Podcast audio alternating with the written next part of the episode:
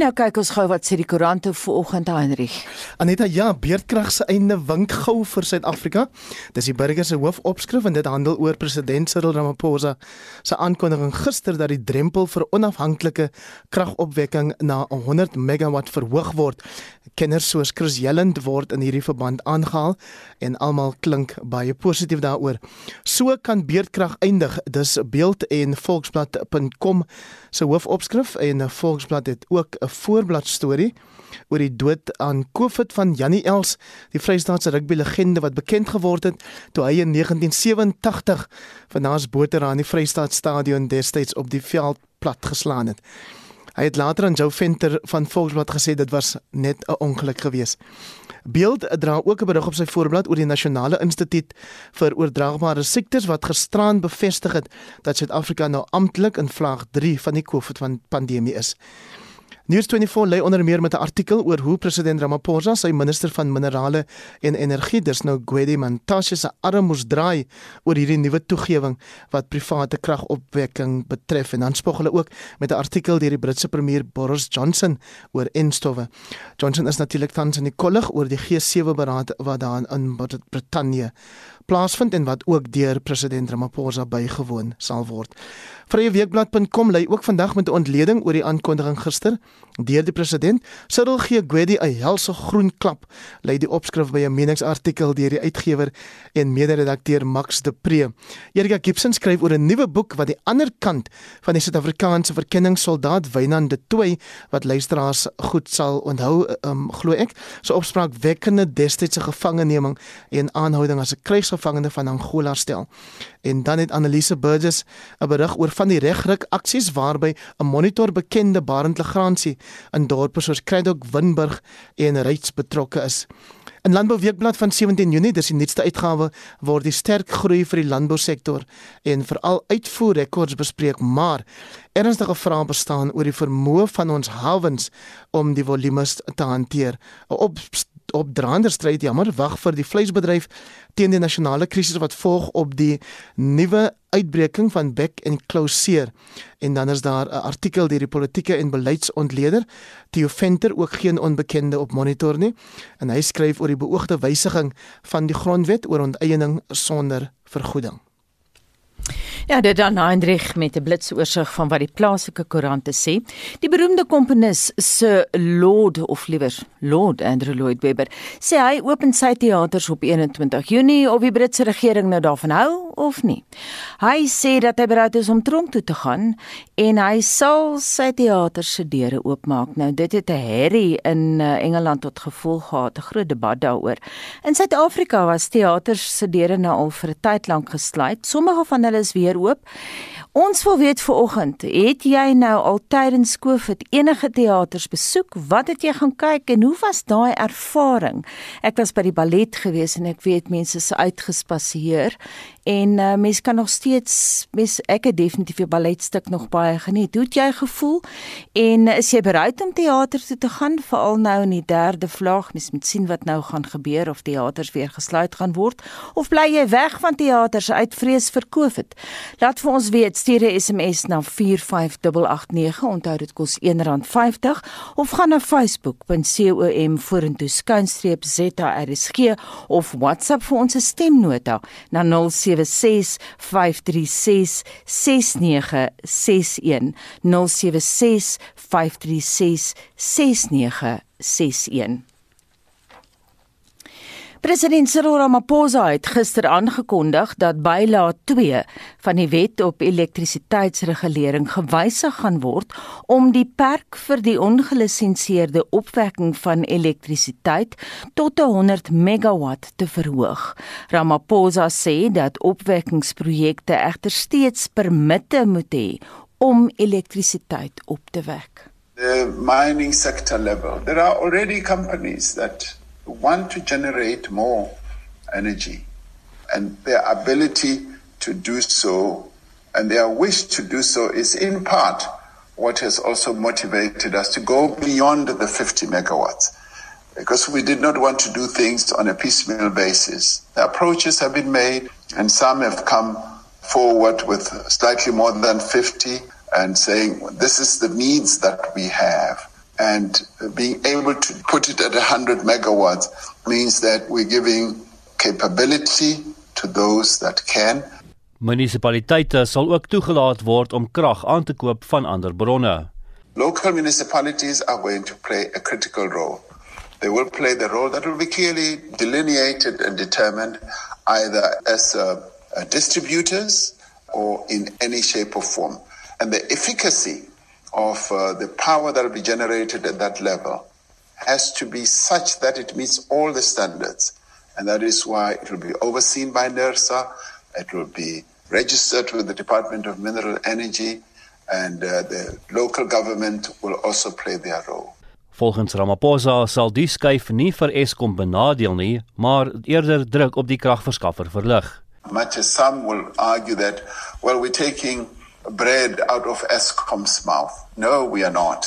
We are adding capacity to Eskom because much as we may think it is going to lose big power consumers, Eskom is still in charge of, of, of the transmission. So when you want to transmit, uh, there is a business therefore for Eskom, but at the same time, you are just reducing that pressure on Eskom. Politieke partye het gemengde reaksie op die nuus gehad. Die ANC se Polemabe het dit verwelkom. You would know that energy security plays a critical role for the economic recovery further forward. Die DA se skadu minister van openbare ondernemings, Galeb Chalia, sê dit moes lankal gewysig word. The DA has been banging on about this for years. In fact, the president has been talking about it since February.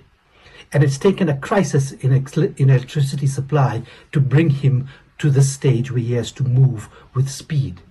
Wouter Wessels van die VF+ sê sonder die wysigings sou Eskom ineenstort.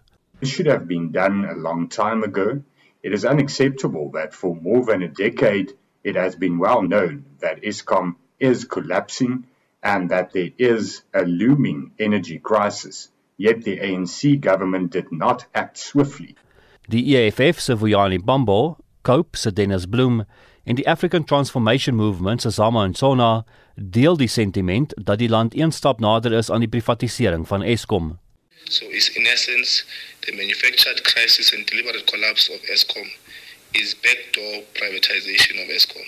Instead of fixing Eskom challenges, they are collapsing Eskom generation capacity so that private companies will produce electricity. What President Ramaphosa announced today was partially privatization of ESCOM. As the African Transformation Movement, we are truly disturbed by it. What disturbs us the most about this particular announcement is that its long term strategy is to devalue ESCOM. It will actually get to a point where a common man suffers in South Africa. Die finale wysigings aan bylaag 2 sal binne die volgende 60 dae gepubliseer word. Die verslag is saamgestel met die hulp van Naledi Ngobo en Abongile Dumako. Ek is Justin Kennerly vir SI Garnis. Solidariteit en Afriforum het 'n dringende hofaansoek ingedien om meer inligting te probeer kry oor enstofvoorwaardes wat die reguleringsowerheid vir gesondheidsprodukte in Suid-Afrika SAPRA vir Johnson & Johnson daar gestel het. En ons praat nou met die hoof van regsaake by Solidariteit Anton van der Byl. Goeiemôre. Môre Anita luisteraars. Anton kortliks, wat is die doel met die hofaansoek? Anita Sapra het um, vroeg in April het hulle die Johnson Johnson enstof het hulle goedgekeur maar hulle sekere voorwaardes aangekoppel. Die voorwaardes blyk dat dit sê dat die regering die enigste aankoper kan wees van die enstof. Ons sê uh, ja, dit daar's geen wettige rede hoekom Sapra so so voorwaarde kan stel nie. Uh, dit is nie hulle werk om te kyk na die nasionalisering of sentralisering van enstowwe nie, is hulle werk om te kyk na die effektiwiteit al dan nie van sodanige enstowwe. So ons sê die voorwaarde is onwettig. Dis elke persoon se eie besluit watter enstof hy wil koop, waar hy dit wil koop en dat hy die opsie gee moet word om te koop. So ons het so aansoek verloods, ons sê daai voorwaarde is onwettig. So julle sê eintlik die staat het dit onbehoorlik ingemeng. Is dit hoe julle voel Anton? Ons voel inderdaad so. Ons ons het bietjie gekyk na SAPRA se vorige kom ons sê re, registrasies of goedkeurings en dit blyk nie asof daar een ooit voorheen so tipe voorwaarde daaraan gekoppel is nie. die enigste afleiding wat 'n persoon kan maak is dat die staat inderdaad ingemeng het hierso en hulle het nie die magte ehm uh, die hulle is nie gemagtig om om in te tree en, en behoorlik te onbehoorlik te beïnvloed nie. SAPRA moet 'n onafhanklike besluit maak op die nuwe besluit. Hulle is 'n onafhanklike organisasie en ons sê dit is nie vir die staat om hier in te meng. Hulle het geensins die reg om dit te kan doen nie. Anton weer eens net kortliks, dink jy daar's 'n slang in die gras? Ons dink verseker so ons uh, ons vermoed dat uh, hier maar net weer 'n proses deur die staat is om die instofprogram sentraliseer by hulle self. Ons het ook uh, sterk vermoede dat die instof uh, teen 'n hoër prys aangebied word as wat dit in die gewone kom ons sê in die in die privaat uh in die privaat handel verkoop kan word. So ons vermoed hier is 'n slang in die gras en ons glo deur ons aksies sal daai sal sal sal die nodige antwoorde gegee word. Baie dankie en so sê Anton van der Byl, hy is hoof van regsaake by Solidariteit. Inwoners van Koster in Noordwes sit alweer sonder water. Dit na die plaaslike munisipaliteit die bestuur van waterdienste in die gebied teruggeneem het. En ons praat met die voorsitter van die Koster besorgde inwoners, Karel van Heerden. Môre Karel. Goeiemôre en ook aan jou luisteraars. Dit klink of dit by julle gaan soos hier in Johannesburg. Ons sit ook dele van Johannesburg sit ook sonder water. Maar skets vir luisteraars 'n prentjie van hoe lyk dinge op Koster? Ons het die 20ste Mei het ons hierdie waterwerke aan die munisipaliteit of eintlik aan Magalies Water oorhandig want dit was die die hof se se voorwaarde gewees dat ons die waterwerke aan 'n diensverskaffer moes oorhandig wat toe Magalies Water was. Ons het dit aan hulle oorhandig en binne 2 dae na die 20ste, so die 22ste 23ste Mei het ons weer sonder water gesit. Dit nadat ons hulle met 25 miljoen liter water gelos het. Uh, 10 miljoen liter was in die Rouwaterdam en so 15 miljoen liter was in die reservoirs gewees. So binne 2 dae was daardie water uitgepomp gewees en daar was glad nie meer water gewees en toe het hulle uh, ons pomp water 26 km ver van die Kosterdam af toe daar van die pype gebars en dit het hulle ongeveer 'n week gevat om daardie pype reg te maak. Ons het van laas Saterdag 20 oor 7 niks water gehad tot uh hierdie Sondag 10 oor 6 die die oggend nie. So ja, ons het ter hele week sonder water gesit en uh, dit was natuurlik uit die aard van die saak chaoties geweest want jy weet jy kan nie bad nie, daar's mense wat nie gaan werk, kinders moet skool toe gaan en so voort. So ja, so ons sit nou sit nou maar met uh, periodiek met uh, met waterprobleme. As ons water het, ek sien die water is weer aan vanoggend. Ons gaan vir 'n uur of 2 weer water vandag hê en dan gaan die water afwees. So ons het ons het ons weer terug na 2020 of voor dit se se tyd waar ons omtrent geen water gehad het. So ons het 'n probleem. Maar die hofsaak uh die uitspraak was ons was in die hof gewees die 11de Mei. Die uitspraak is te was teen ons gewees dat ons die water moet aan die munisipaliteit terugbesorg.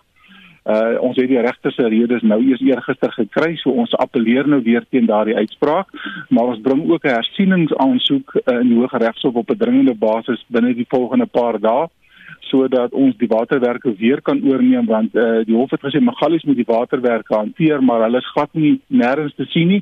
Dis maar weer die ou munisipale amptenare wat in uh, wat in diens is van die munisipaliteit wat daardie waterwerke oorgeneem het. En dis van die begin af die probleem wat ons gehad het. Uh, hulle is nie bevoeg om die waterwerke te hanteer nie so ook die rioolwerke. Mm.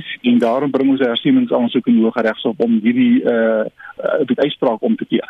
Karel jy antwoord baie lank. Ons het baie vrae vir jou. As jy net tot op die kruks skandeer dring. Jy praat nou van pype wat gebars het. Hoekom is dit? Weens 'n gebrek aan instandhouding? Uh, onder andere ja, maar die pype is ek dink nie hulle weet hoe om daai water uh, los te laat van die Kosterdam af nie. Want toe ons die waterwerke vir die 4 maande wat ons uh, ons in beheer was daarvan was daar nie weet ek uh, was daar nie een pyp wat gebars het nie. So dit gaan alles oor die tegniek van hoe die water uh, uit die dam uit onttrek word. So ja, dit is dit, dit, dit is een probleem en die ander probleem is jy weet is is dat die instandhouding van die van die van die pyplyn is ook maar nie wat wonders nie. Wat sê die munisipaliteit? Nou, hulle sê hulle wil hulle wil graag met ons saamwerk, maar daar was nog nie uitreiking uitreikingsaksie van die munisipale bestuurder na ons kant toe nie. Uh, ek dink dit gaan maar oor totale beheer en dit is jammer. Uh, ek dink uh, die 4 maande wat ons die water beheer het, het ons uitstekende werk gedoen. Ons het 24 ure dag water gepomp aan die gemeenskap Dit en dit sluit koste en swarterguns in want ons het daardie munisipaliteite saam met Derby is ons drie munisipaliteite wat ineengevoeg is. So ja, so ons het water, skoon water vir die mense gegee. Die water op hierdie stadium is bruin, is vuil en as ons water kry, dan is dit bruin en vuil. Hmm. Jy praat nou van ons het die dienste oorgeneem. Het julle ou afgetrede ingenieurs gebruik op die dorp? Ons het gelukkig ons was baie bevoorreg geweest om eh, om om 'n ingenieursfirma wat op die dorp gevestig is te te kon gebruik wat vir ons van ons skatbare waarde was. Maar die hele gemeenskap het ingekoop. Dit was nie net die een persoon of twee persone nie nee die hele gemeenskap het ingeklim. Ons het almal saamgewerk om hierdie waterwerke weer op standaard te kry. Ons het die pompe en die motors vervang teen groot kostes Uh en ons probleem ook in Koster is is dat met die weerkrag, uh, as daar weerkrag is, kan daar ook nie water gepomp word nie. Ons het toe op 'n stadium met twee groot generators ge gehuur uh, by elke pompstasie en ons het dit gebruik as daar nie krag is nie, dan die uh, generators outomaties ingeskop en ons kon volhoubaar vir die mense 24 ure dag water gee. Baie dankie alle sterkte. Ons sal hierdie storie beslis dophou dit dan Karel van Heerden. Hy is voorsitter van die Koster Besorgde Inwonersvereniging. Dit bring ons by 6:30.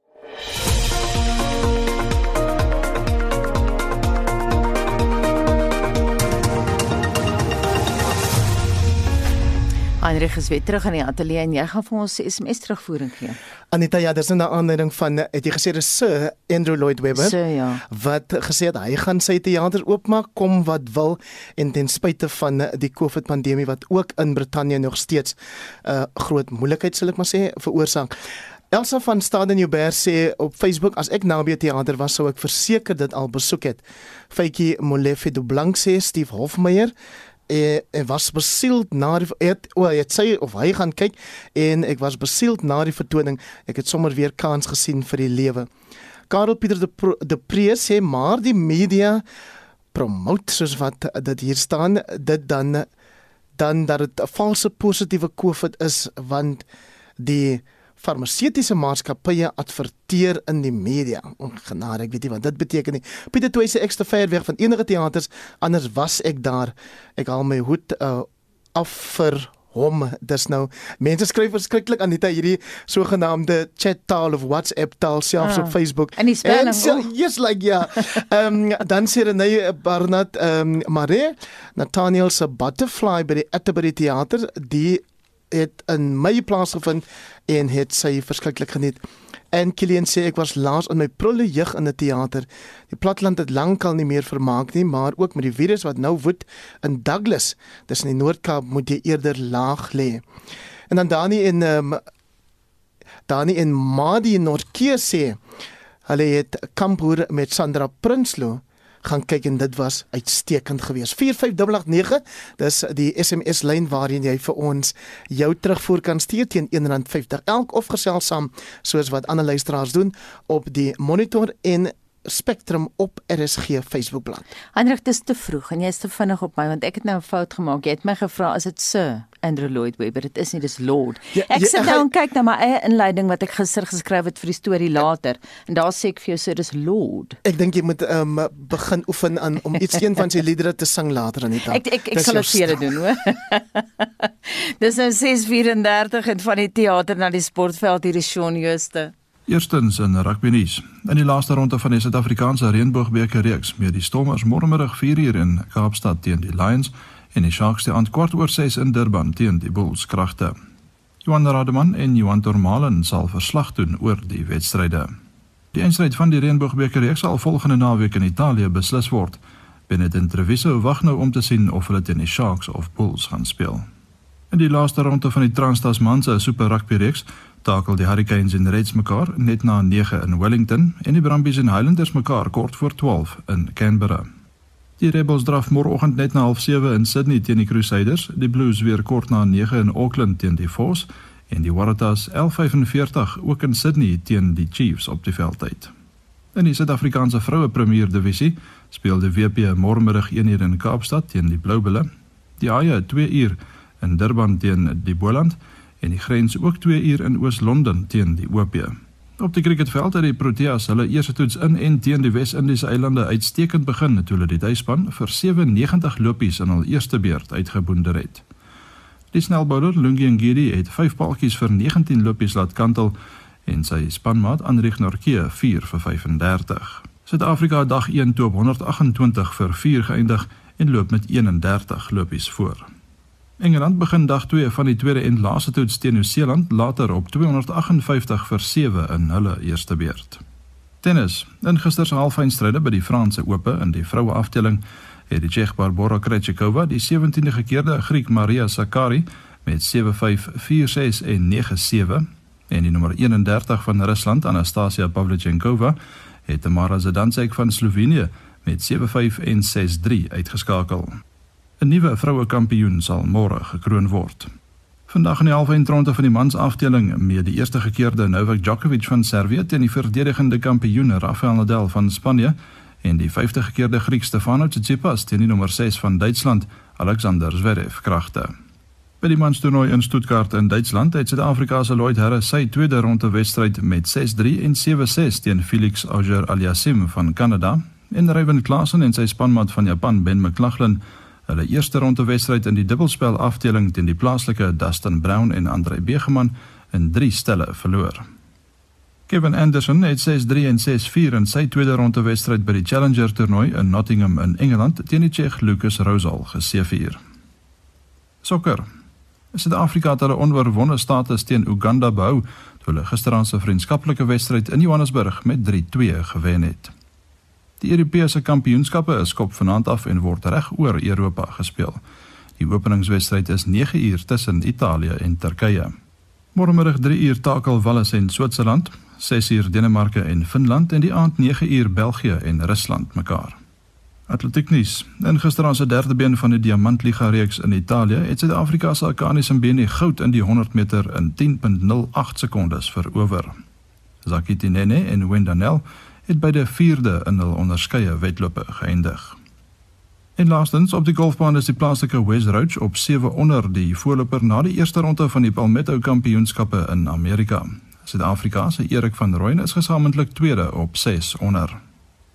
Die Engelsman Sam Horsfield en Christine Wolf van Oostenryk op 8 onder het die gesamentlike voortou na die eerste ronde van die gemengde Skandinawiese toernooi in Swede geneem. Terren Figart op 6 onder en Stacey Bregman en Leon Pace gelyk aan die baansyfer vir die beste onder die Suid-Afrikaanse mans en vroue spelers en is gesamentlik 7de en 94ste onderskeidelik.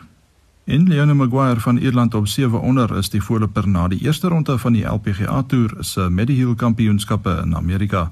Suid-Afrika se Ashley Buy het haar eerste ronde op 1 onder geëindig. Shaun Schuster, SAK Sport. 3D avokado pere en tomaties is op pad Nederland toe. Nee, hierdie is nie wetenskapsfiksie nie, maar 'n projek van die Universiteit van Pretoria se departement siviele ingenieurswese.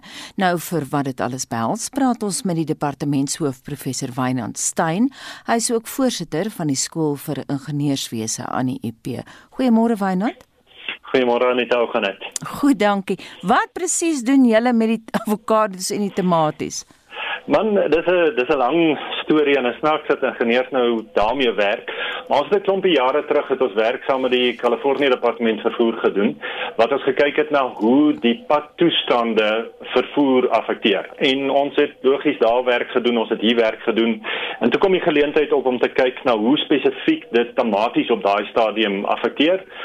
Daarna na die werk wat ons daar gedoen het, toe begin ons hierso saam met ZT2 spesifiek kyk na hulle tematies en en omdat ons na paaie kyk, kan ons dan vir hulle meet en sê goed, as die tematies so stamp of verander, dan is dit uh, slaggat hierso of dis 'n ongelykheid op die pad daar. En die projek het toe gegroei en ehm um, het ons agtergekom maar uh, die tipe ehm um, sensors wat ons gebruik is iets wat ons ook vir ander vrugte kan gebruik. Ons het begin kyk na avokado pere en eers na die padgedeeltes en ons ons gebruik basies 'n klein mikrosensor wat ons binne in 'n 3D gedrukte uh buite uh kom ons sê maar vel van die avokado probeer reproduseer en dan sit ons 'n klompie van hulle heeltemal van die boom waar hulle avokado oes af sit ons in dieselfde ketting saam met die res van die avokado. So dan gaan dit daarvan af na die pakhuis toe. Aan die pakhuis het ons saam met die die avokado uh, avocado growers association het ons saam met hulle gekyk na hoe verskillende pakhuise die effek het op die avokados. Waar val hulle? Waar stamp hulle? Waar rol hulle? Daarvan af met 'n vragmotor al die pad af Kaapstad toe om te kyk watter dele van die pad, hoe vinnig jy ry, hoe stadig jy ry, wat se effekte van die pad het, wat se effek op die avokados. En die laaste gedeelte was toe nou so uh 3, 4 weke terug toe ons saam met Hols 'n uh, klomp avokados daar in Kaapstad op die op die hawe op 'n skip gelaai het, die Akodimos en hy het al die pad gery tot in of gevaar tot in Rotterdam en ons is nou besig om daardie data bymekaar te sit. So dan kan ons byvoorbeeld kyk en ons kan sê maar as 'n avokado baie goed op 'n skip opgelaai is in Kaapstad en hulle land in Rotterdam en daar's fout. Mm. Is dit omdat daar 'n storm op die see was? Is dit omdat die skip een of ander snaakse beweging gemaak het en dit het hulle laat stamp of val of kneus of wat ook al die storie mag wees. So dis in kort ehm um, wat ons doen met ons ons smart avokados en smart tomaties en en so aan. Wynand, hoekom daai twee vrugte? Is dit omdat hulle sag is? Deels omdat hulle sag is, maar deels ook omdat ons 'n navorsings uh, samewerking begin het uh aanvanklik saam met ZT2 en saam met Hols omdat dit 'n baie groot deel van hulle uh hulle produksie is. Um ons het al baie gesels oor ander opsies want daar's party goed wat nie regtig verskriklik skade kry tydens vervoer nie. Dit hang maar af hoe wat is die eienskappe van die van die vrug of die groente self, maar hoe sagter dit is, logies, hoe beter moet jy dit verpak, hoe sagter moet jy dit vervoer. So ons ons is besig om ook bietjie verder te kyk en te sê maar die die mikrosensors wat ons binne insit, dis seker so ehm um, ek dink nou die maklikste is om te sê 2 duim by 2 duim uh blokkie uh met 'n rekenaartjie. En enige iets waar ons dit kan insit, so dit gaan nou so bietjie moeilik wees om dit vir 'n vir 'n drywekorrel te doen op hierdie stadium. Ons moet die tegnologie bietjie laat groei daarvoor, maar enige iets waar dit kan inpas, kan 'n mens dit meet en dan meet hy hoe hierdie vrug fisies rol. Ehm um, ons kan sien as hy geval het, ons kan sien hoe ver hy geval het. So jy het detail as jy luister vir wat die vrug vir jou sê na die tyd, het jy detail data om dit dan te korreleer saam met die GPS van die van die vervoerketting om te weet maar op hierdie punt is die plek waar ons moet kyk, hoekom gee hierdie stukkie van die vervoer skade? want dan logies ons is, ons is die ingenieurs al wat ons verder weet van die avokados is dis lekker om te eet dan gaan ons oor na ons landbouwetenskaplikes en ons plantwetenskaplikes. Dis 'n hele groter transdissiplinêre prentjie wat hulle dan sê maar goed as 'n avokado peer soveel gestamp het of so geval het en so gekneus het wat se tipe effekte kan dit hê wat gaan maak dat die ou wat op die einde hierdie avokado wil koop besluit maar ek gaan nie hierdie een koop nie want hy is nie mooi nie hy's nie gesond nie ek gaan liewer 'n ander een koop. Mm -hmm. so die groter prentjie gaan oor voedselsekerheid. Wynand is dit 'n wêreld eerste Man, sover ons kan sien veral vir hierdie verskepingsreis waar ons individuele avokado se ervaring meet, is dit iets wat ons nog nie voorheen gesien het nie. Ons het so 7 jaar terug het ons van Florida in Amerika na ag van Kalifornië na Florida toe, het ons 'n soortgelyke meting gedoen. Ons het nog nie die sensors binne in die vrugte gehad nie. En op daai stadium het dit vir 'n uh, reis van dit was so 4000 km was dit die eerste keer wat iemand die volle reis gedoen het. Nou daar's ander kleiner studies wat gedoen word. Die hele naoes navorsingsveld is 'n geweldige groot veld en geweldig belangrik want dis waar 'n enorme klomp van die skade op die vrugte en groente plaasvind. En as ons dit kan verhoed dan dan is dit logies baie goed. So ten opsigte van dit wat ons kon sien en lees en uitvind vir 'n vir 'n verskepings uh, uh reis wat jy individueel sê dis wat hierdie met hierdie avokados gebeur is dit die eerste keer wat ons dit kon sien. En ons sal dit beslis publiseer een van die dae want ons ons dink is iets wat mense graag wil sien dat ons kan leer daaruit. Jy het nou met baie avokado boere ook gesels. Jy het uh, eh, ZCC aangehaal en Hols en so aan. Wat is hulle reaksie? Is hulle opgewonde oor die praktiese implikasies hiervan? Dit dit is groot opgewondenheid as 'n ou begin kyk na wat die moontlikhede vir hulle is om probleme in die vervoerketting uit te skakel. Want want 'n ou moet nou besef, uh die boer produseer so so goed as moontlike avokado peer of tamatie of wat ook al is op sy plaas en hy sit regtig al die effort in om dit te doen. En dan as daar skade tussen waar die boer ophou om 'n invloed te hê tot by die mark gebeur wat hulle nie regtig 'n invloed op kan hê nie. Dan beteken dit hulle markprys val. En as die markprys val, beteken dit hulle kry 'n kleiner inkomste, so hulle het minder om te investeer in die volgende ronde, hulle het minder om te investeer in in werksgeleenthede. So hulle is baie geïnteresseerd. Ons het, ons het gister met twee van hulle gepraat op 'n redelik gereelde vergadering wat ons het, wat ons juist kyk hoe kan ons met hierdie digitale landbou pogings probeer om al hierdie goed wat uh, die ouens praat van die vierde nywerheidsrevolusie en IoT en digitalisering en alles. En dis groot woorde, maar as jy dit nie op die grond kan bring waar jy vir in hierdie geval 'n boer sê as jy daai roller uit jou pakhuis haal of as jy daai stukkie van jou pad uh verbeter, dan gaan die toestand daarvan beter raak nie. Dan bly dit net 'n klomp woorde vir IR en al sulke goeie. So ons probeer hard om die detail tegniese kennis te koppel aan die praktiese probleem en dat 'n mens regtig vir 'n mens op die grond 'n verskil maak. Baie dankie en so sê professor Wynand Stein, departementshoof van siviele ingenieurswese aan die Universiteit van Pretoria. Die G7 beraad begin vandag in Kobus by Cornwall. Dis nou Engeland te midde van verwagtinge oor 'n beter verspreiding van COVID-en stowwe en spanning tussen Europese lande en China asook Rusland. Die Britse Guardian bereken die koste van die beraad op meer as 70 miljoen pond. Vir meer konteks hieroor praat ons nou met professor Erwin Schwella. Hy is dekaan by die skool vir sosiale innovasie by die Genote College op Wellington, maar Schwella is ook verbonde aan die Universiteit van Tilburg se skool vir regsgeleerdheid in Nederland. Goeiemôre Erwin. Môre Anita. Wat gaan die hoofagendapunte wees? Kom ons gee net gou-gou weer 'n bietjie perspektief op baie konteks. Ek dink die konteks is een van 'n uh, wêreldwyd 'n stelstandhoudende krisisse. En terwyl hierdie krisisse uitspeel, skuif die tektoniese plate op die onder uh, op die onderkant aan die aan die onderkant van hierdie op uh, van hierdie groter geheel. Nou, dit gebeur op op ekonomiese vlak, op ekologiese vlak, vlak op sosiale vlak en ook op die politieke gebied.